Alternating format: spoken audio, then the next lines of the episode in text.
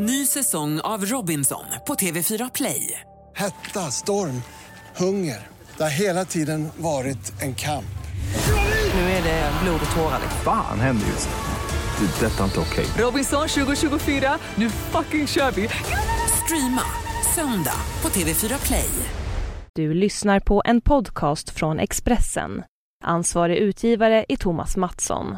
Fler poddar hittar du på expressen.se podcast och på iTunes. Det här är Expressen Dokument om att Facebook fyller 10 år av Henrik Ek som jag, Johan Bengtsson, läser upp.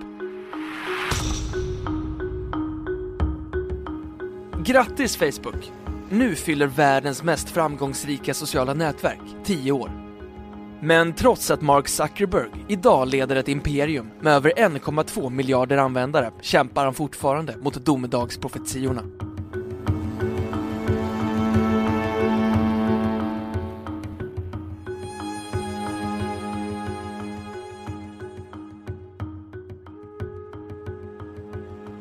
Siffrorna är svåra att greppa.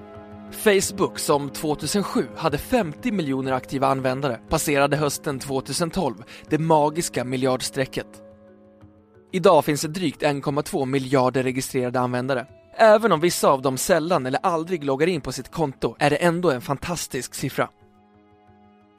Om landet Facebookistan utropades skulle det, sett till antalet invånare, vara den tredje största nationen efter Kina och Indien.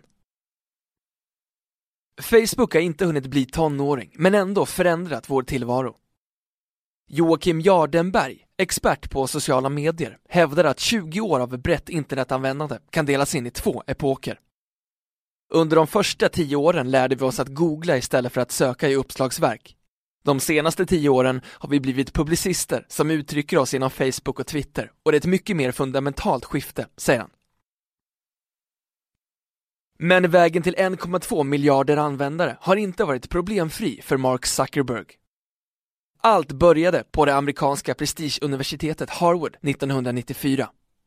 Zuckerberg, ett 19-årigt datageni som ägnat sig åt avancerad programmering redan på mellanstadiet, höll sig för det mesta på sitt sunkiga studentrum. Där satt han framför datorn och arbetade med ett nytt projekt, en sajt där studenterna skulle kunna betygsätta tjejerna på skolan.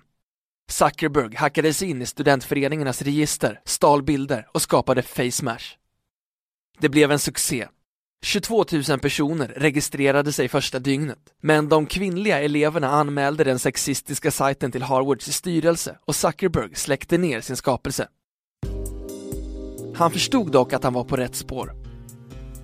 I samarbete med tvillingarna Tyler och Cameron Winklevoss började utvecklingen av ett socialt nätverk för eleverna Arbetsnamnet var Harwood Connection.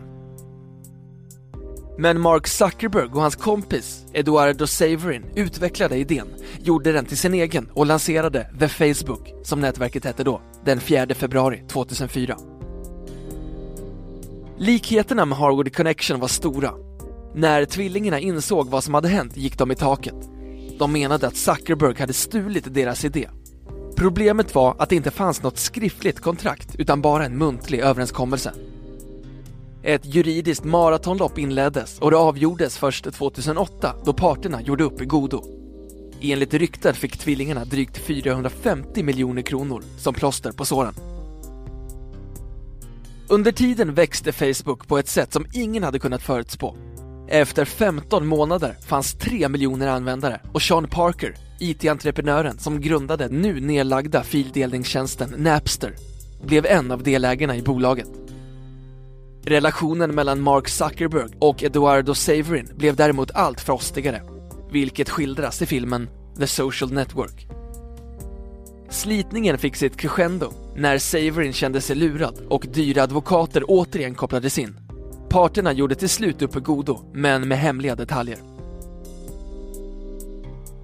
De infekterade striderna har skapat en tudelad mediebild av Mark Zuckerberg. Å ena sidan en blyg datanörd som är inkapslad i sin egen värld.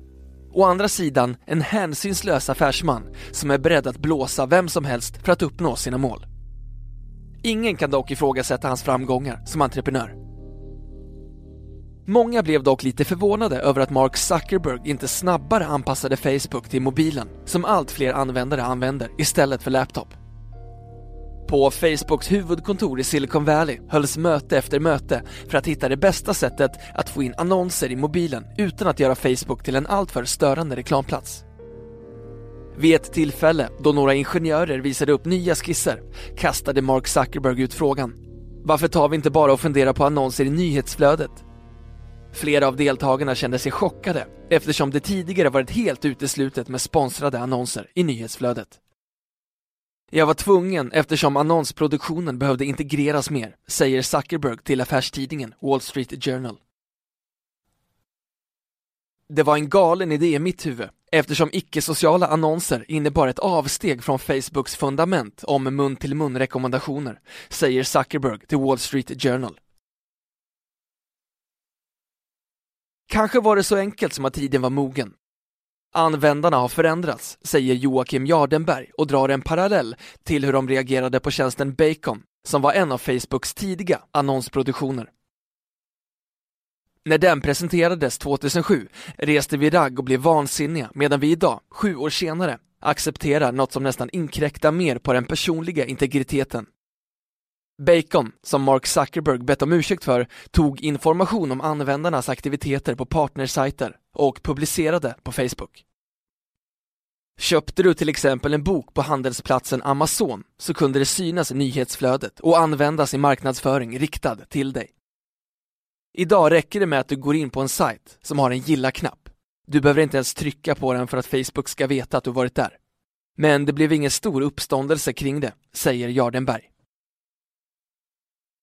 Analytiker tolkade Mark Zuckerbergs omsvängning som ett mognadstecken, att han lämnat studentrumstänkandet och istället blivit VD på allvar. Men den valpiga inställningen är inte borta.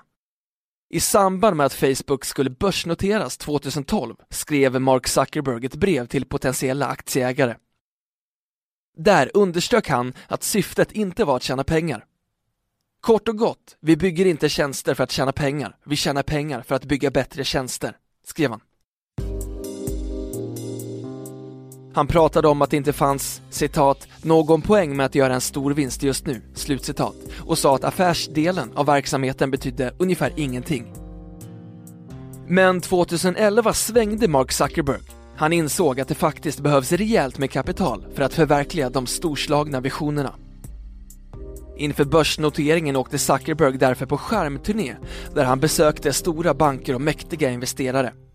Klädseln var fortfarande hoodie och sneakers, men i övrigt hade datageniet förändrats. Från att i de första tv-intervjuerna ha framstått som Bill Gates-aktigt inåtvänd och märklig hade han nu PR-tränats och fått en mer utåtriktad och proffstrevlig persona. Det märktes inte minst i samband med att filmen The Social Network hade biopremiär 2010 och Zuckerberg gjorde sig lustig över att filmmakarna verkade ha hittat varenda t-shirt han burit sedan 90-talet, men att det också var det enda som stämde överens med verkligheten. Intåget på börsen blev dock inget omedelbart segertåg. I amerikanska medier märktes på sina håll en illa dold skadeglädje när aktien under de första veckorna störtdök med 25% från sitt introduktionspris på drygt 240 kronor. Men i somras klättrade bolagets aktie över introduktionspriset och idag ligger den på omkring 330 kronor. Nu spår amerikanska analytiker att Facebooks vinst för 2013 ökade med 40% jämfört med året innan Omkring en tredjedel av intäkterna antas komma från mobilannonser. Men domedagsprofetiorna fortsätter. Nyligen spådde en studie från Princeton-universitetet i USA att Facebook skulle tappa 80% av sina användare mellan 2015 och 2017. Forskarna menade att användarna helt enkelt kommer att tröttna. Jennifer Bark grundare av bloggbyrån, som är specialiserad på relationer och kommunikation på den sociala webben, tror inte att användarsiffrorna kommer att störta ner i avgrunden de närmaste åren. I så fall måste det ske något katastrofalt. Däremot tror jag inte att Facebook kommer att fortsätta att växa i samma takt som idag, säger hon. De som kommer att avgöra frågan är användarna. för utan dem är Facebook ingenting. Så frågan är om bolaget kan fortsätta att hålla användarna i ett järngrepp eller om konkurrenter som Twitter och Vine kommer att göra Zuckerberg sömlös. Facebook kommer nog att bli en ännu viktigare del av våra liv online. Du loggar redan in på andra tjänster med ditt Facebook-konto som idag blivit knutet till din identitet, säger Joakim Jardenberg. Men Jennifer Bark är inte lika tvärsäker. Jag tror att många upplever att det blir allt mer annonser i flödet och det skulle på sikt kunna bli Facebooks död. De har börjat nöta på den hårfina gränsen som är skillnaden mellan acceptabelt och för mycket.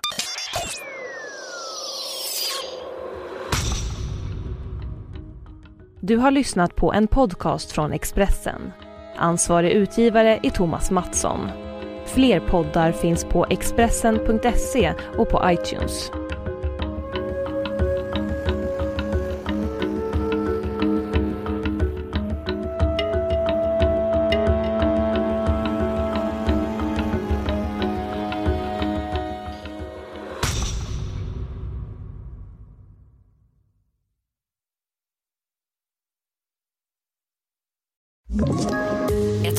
Poddtips från Podplay. I podden Något Kaiko garanterar östgötarna Brutti och jag, Davva, dig en stor dos skratt. Där följer jag pladask för köttätandet igen. Man är lite som en jävla vampyr. Man har fått lite blodsmak och då måste man ha mer. Udda spaningar, fängslande anekdoter och en och annan arg rant. Jag måste ha mitt kaffe på morgonen för annars är jag ingen trevlig människa. Då är du ingen trevlig människa, punkt. Något Kaiko, hör du på Podplay. Därför är gardinerna.